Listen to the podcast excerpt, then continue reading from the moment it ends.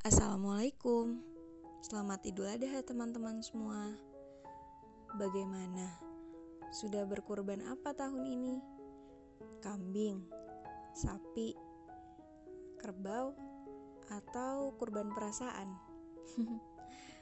iya, aku tahu Pasti lelah ya dengan pola yang berulang Sabar ya Berkurban mengajarkan kita tentang ikhlas Ikhlas melepas dia yang bukan siapa-siapa kita.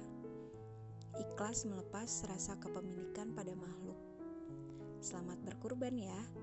Tahun ini setelah ikhlas berkurban, yakin deh nanti kita akan diperjuangkan.